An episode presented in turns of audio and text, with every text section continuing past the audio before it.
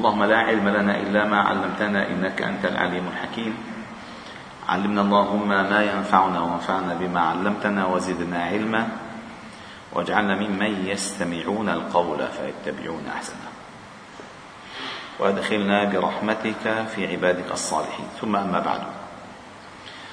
فقد ذكر الإمام الترمذي أبو عيسى رحمه الله تعالى أصحاب الصاحب السنن في كتابه الممتع الشمائل المحمدية. على صاحبها أفضل الصلاة والسلام والتحية في ذكر صفات رسولنا محمد صلى الله عليه وسلم الخلقية والخلقية. ووصلنا في أواخر أبواب هذا الكتاب بعون الله تعالى وتوفيقه في باب ميراث النبي صلى الله عليه وسلم. وذكرنا الحديث المشهور نحن معاشر الأنبياء لا نورث وما تركناه صدقة. والله جل جلاله عندما ذكر عن داود وسليمان قال وورث, دا وورث سليمان داود. ما الذي ورثه عنه؟ النبوة.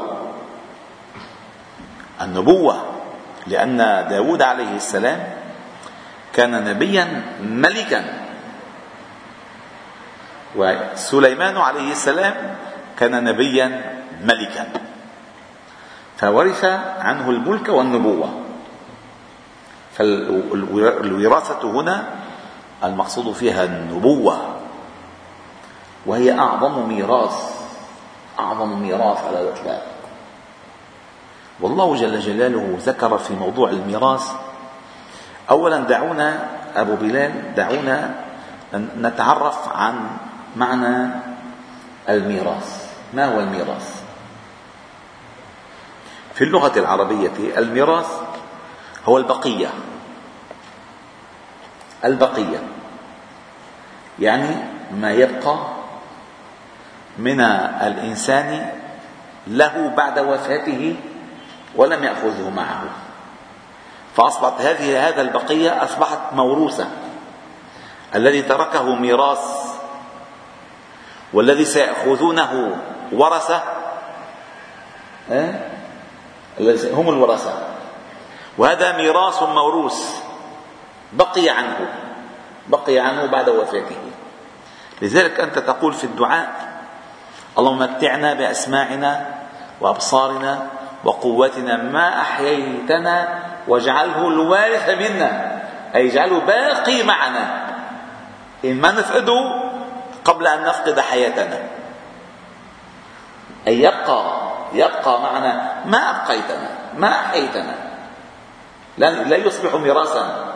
الله يرحمك يا سمعي. الله يرحمك يا بصري. الله يرحمك مثلا. لا يبقى معك طول حياتك. والله جل جلاله من أسمائه الوارث. الوارث. يعني إنا نحن نرث الأرض ومن عليها وإلينا يرجعون. فالكل يفنى والله الحي يبقى.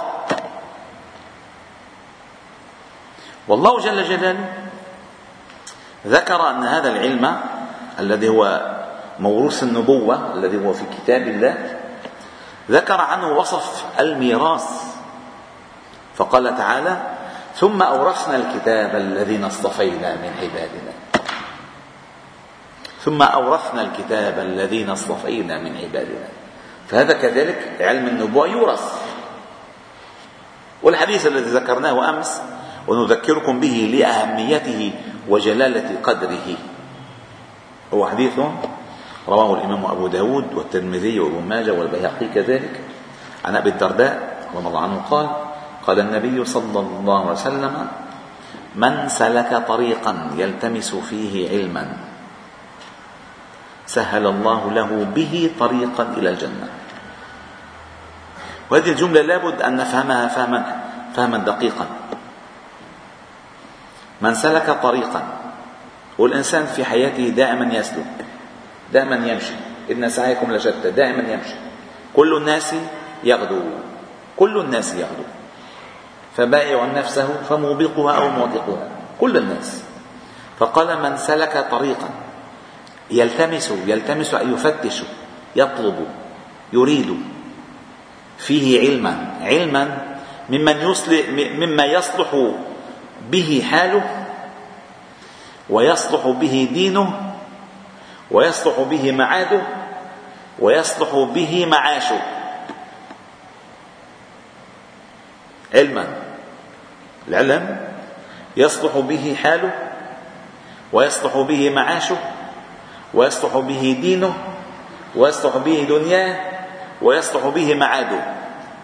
إن العلم الذي يقوم ما العلم بيتحط بالمكتبة العلم الذي يقوم. يعني يزيدك فهما. لأن الله تعالى يرفع يرفع. الذين أوتوا آمنوا منكم ولدوا العلم درجة لا يرفع. فالرفع على قدر النشاط والهمة يرفع. فإذا سلكت طريقا تلتمس فيه علما. لماذا تلتمس العلم؟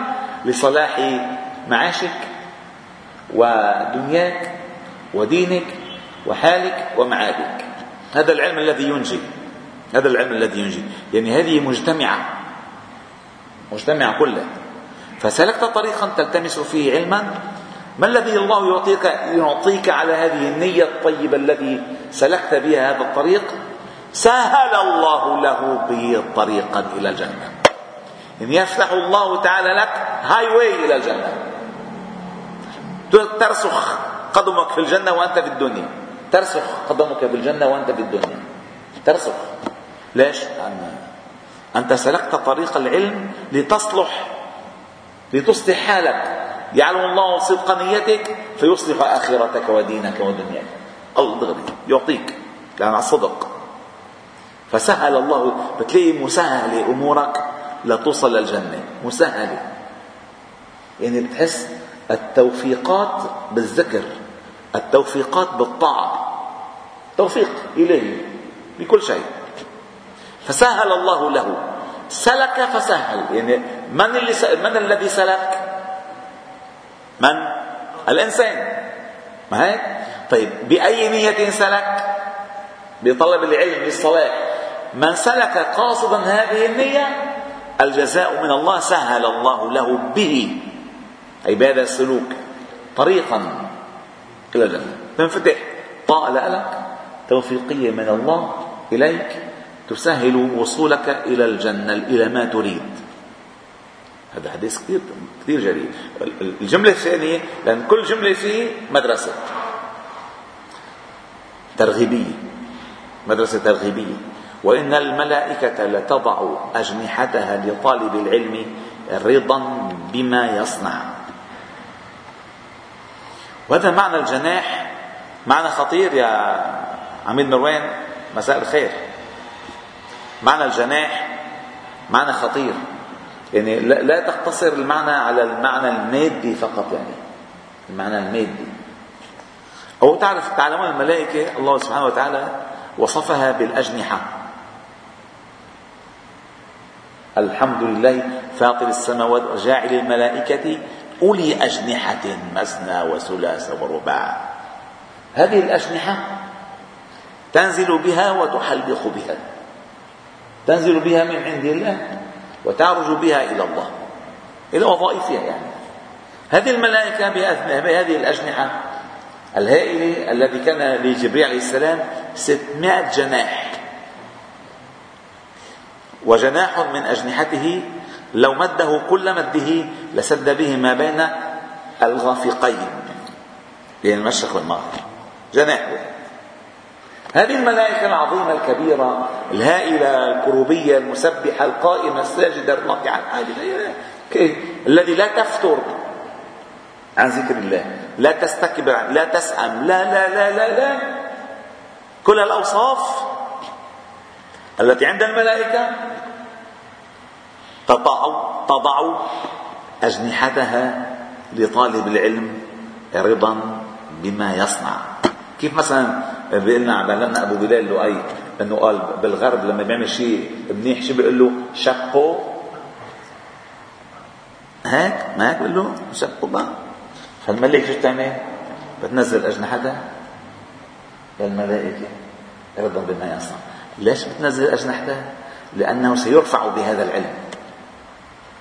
يعني هو مهيئ الآن مهيأ لما الملائكة وضعت له أجنحتها مهيأ بأن يرفع مع هذا الجناح مثل ما ربنا قال في القرآن آية بغاية الطرافة. وبتطلع فيها بتقول معقول المقصود هيك؟ نعم. من المقصود هذا المعنى؟ قال واخفض لهما جناح الذل من الرحمة. ليش؟ لأن عادة الجناح لماذا يعمل؟ ليش يكون إنسان جناح؟ مشان يطير. فكلما وضعت جناحك من الذل رحمة بأبويك فإن الله سيرفعك به. وستحلق. لن تحلق إلا إذا وضعت جناحك. يلي وضع جناحه الله بيرفع فالملائكة وضعت أجنحتها لطالب العلم رضا بما يصنع. فإذا وضعت أجنحتها إن أنت سترتفع. حتما سترتفع. لأن الله يقول في كتابه في آيتين جليلتين. آية بسورة المجادلة أو المجادلة وآية بسورة الأعراف. آيتين. بسورة الأعراف قال واتل عليهم نبأ الذي آتيناه آياتنا فانسلخ منها فأتبعه الشيطان فكان من الغاوين. ولو شئنا لرفعناه بها. أي كانت مادة الرفع موجودة؟ أنت تركت الجناح واتبعت الذنب فما ارتفعت. ولو شئنا لرفعناه بها ولكنه أخلد إلى الأرض واتبع هواه فراح ذنب ما راح لتحت يعني ما مشي لن يرتفع. ممكن الناس يعرفوه ويحطوا له أصوات وأعلام وصور بس عند الله تعالى منه مرفوع. الملائكة لا تعرفه لأن الذي يعرفك ويرفع ذكرك الله تعالى وهذه الملائكة التي تسوح وت... وت... وتمشي وتسير سيارة في الأرض. إن لله تعالى ملائكة سيارة فضلا بيروحوا بيبرموا على الأوادم. ويضعون أجنحتهم لهم. هذه إيه آه حاج ناصر هذه الشغلات كثير كثير دقيقة. بس ما بننتبه عليها دغري بس هي أسرار. للعلم أسرار. العلم منه صورة. العلم منه مادة تشريحية. العلم أسرار. العلم روح مثل الحياة روح. فقال هذه آية؟ ولو شئنا لرفعناه بها ولكنه أخذ إلى الأرض نزل نزول ما في له نزل نزول. وآية سورة المجادلة؟ يا أيها الذين آمنوا إذا قيل لكم تفسحوا في المجالس فافسحوا. يعني تواضعوا. يفسح الله لكم وإذا قيل انشزوا فانشزوا. يرفع الله الذين آمنوا منكم والذين أوتوا العلم درجات. فكلما كان طلبكم للعلم طلبا للتأديب والتواضع رفعكم الله تعالى بهذا العلم. رفع. يرفع الله بهذا الكتاب أقواما ويضع به آخر مدة الرفع؟ هذه مدة الرفع. فقال هنا الحديث وإن الملائكة لتضع أجنحتها لطالب العلم رضا رضا بما يصنع. الله سبحان الله الجملة الثالثة قال وإن العالم لا يستغفر له ما في السماوات وما في الأرض حتى الحيتان في الماء. صور قد في أسماك. الحيتان ما المقصود الحوت الكبير يعني. كل سمكه اسمها حوت. والدليل على ذلك سوره الكهف. قال الله تعالى فلما جاوزا قال آتنا غداءنا.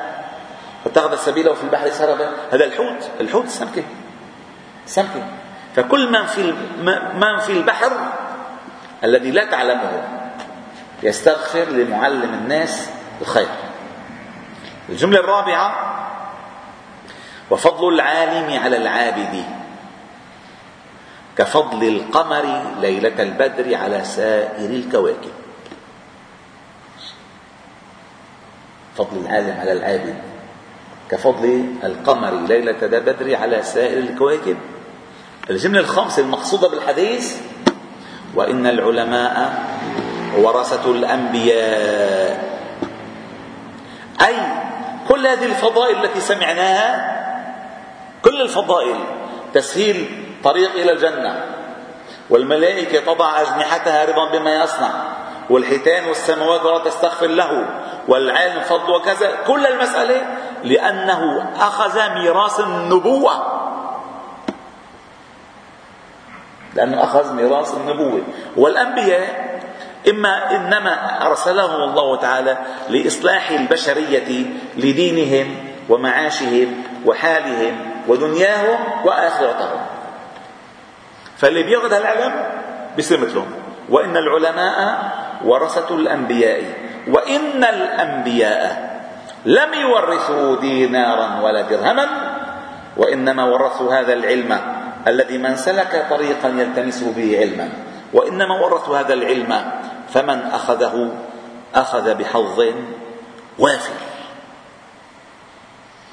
سبحان الله الحديث ده فعلا جليل. والله يوفقنا للعلم الموروث. لا العلم المبتذل ما له قيمه اللي بيزيد الإنسان العلم أحيانا يزيد الإنسان جهلا. والله يا يزيده جهلا يا يزيده كبرا.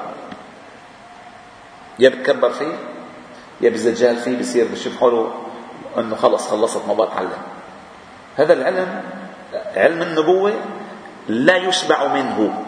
وقل رب زدني علما. لنبي لا يقرأ ولا يكتب. صلى الله عليه وسلم. فهذه الأنبياء قالوا نحن معاشر الأنبياء لا نورث. ما تركناه صدقة. ثم قال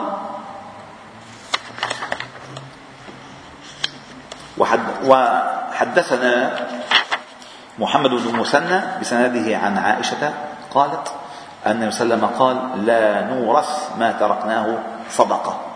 ثم قال وحدثنا محمد بن بشار بسنده عن أبي هريرة قال عن النبي صلى الله عليه وسلم لا يقسم ورثتي دينارا ولا درهما ما تركت بعد نفقة نسائي ومؤنة عاملي فهو صدقة. يعني مثلا أنا تارك نفقة لنسائي. ما نهيته وما نوزعه لا هذه نفقة. ولكن ما تركته فائضا عن أجر عاملي. أجير عندي له حق عندي. مات. وأنا حقي ولا صدقنا فيه. ما بيجوز حقك هذا حق حق العامل. وكذلك النساء. قال ما تركت بعد نفقة نسائي ومؤنة عاملي فهو صدقة. حديث صحيح.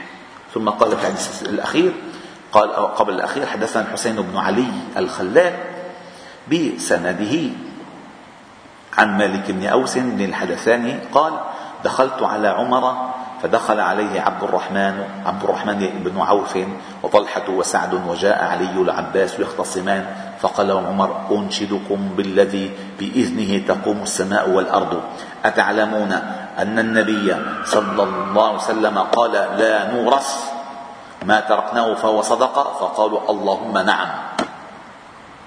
لا يمكن أن أنبياء يتركوا يتركوا ذهب وفضة. لا يمكن.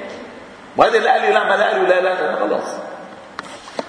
ثم قال في الحديث الأخير وحدثنا محمد بن بشار بسند عن ذر بن حبيش عن عائشة قالت ما ترك النبي صلى الله عليه وسلم دينارا ولا درهما ولا شاة ولا بعيرا. قال وأشك في العبد والأمة. يعني كمان قال ولا عبدا ولا أمة. والحمد لله رب العالمين. سبحانك وبحمدك نشهد أن لا إله إلا أنت نستغفر إليك وصلي وسلم وبارك على محمد وعلى آله وأصحابه أجمعين.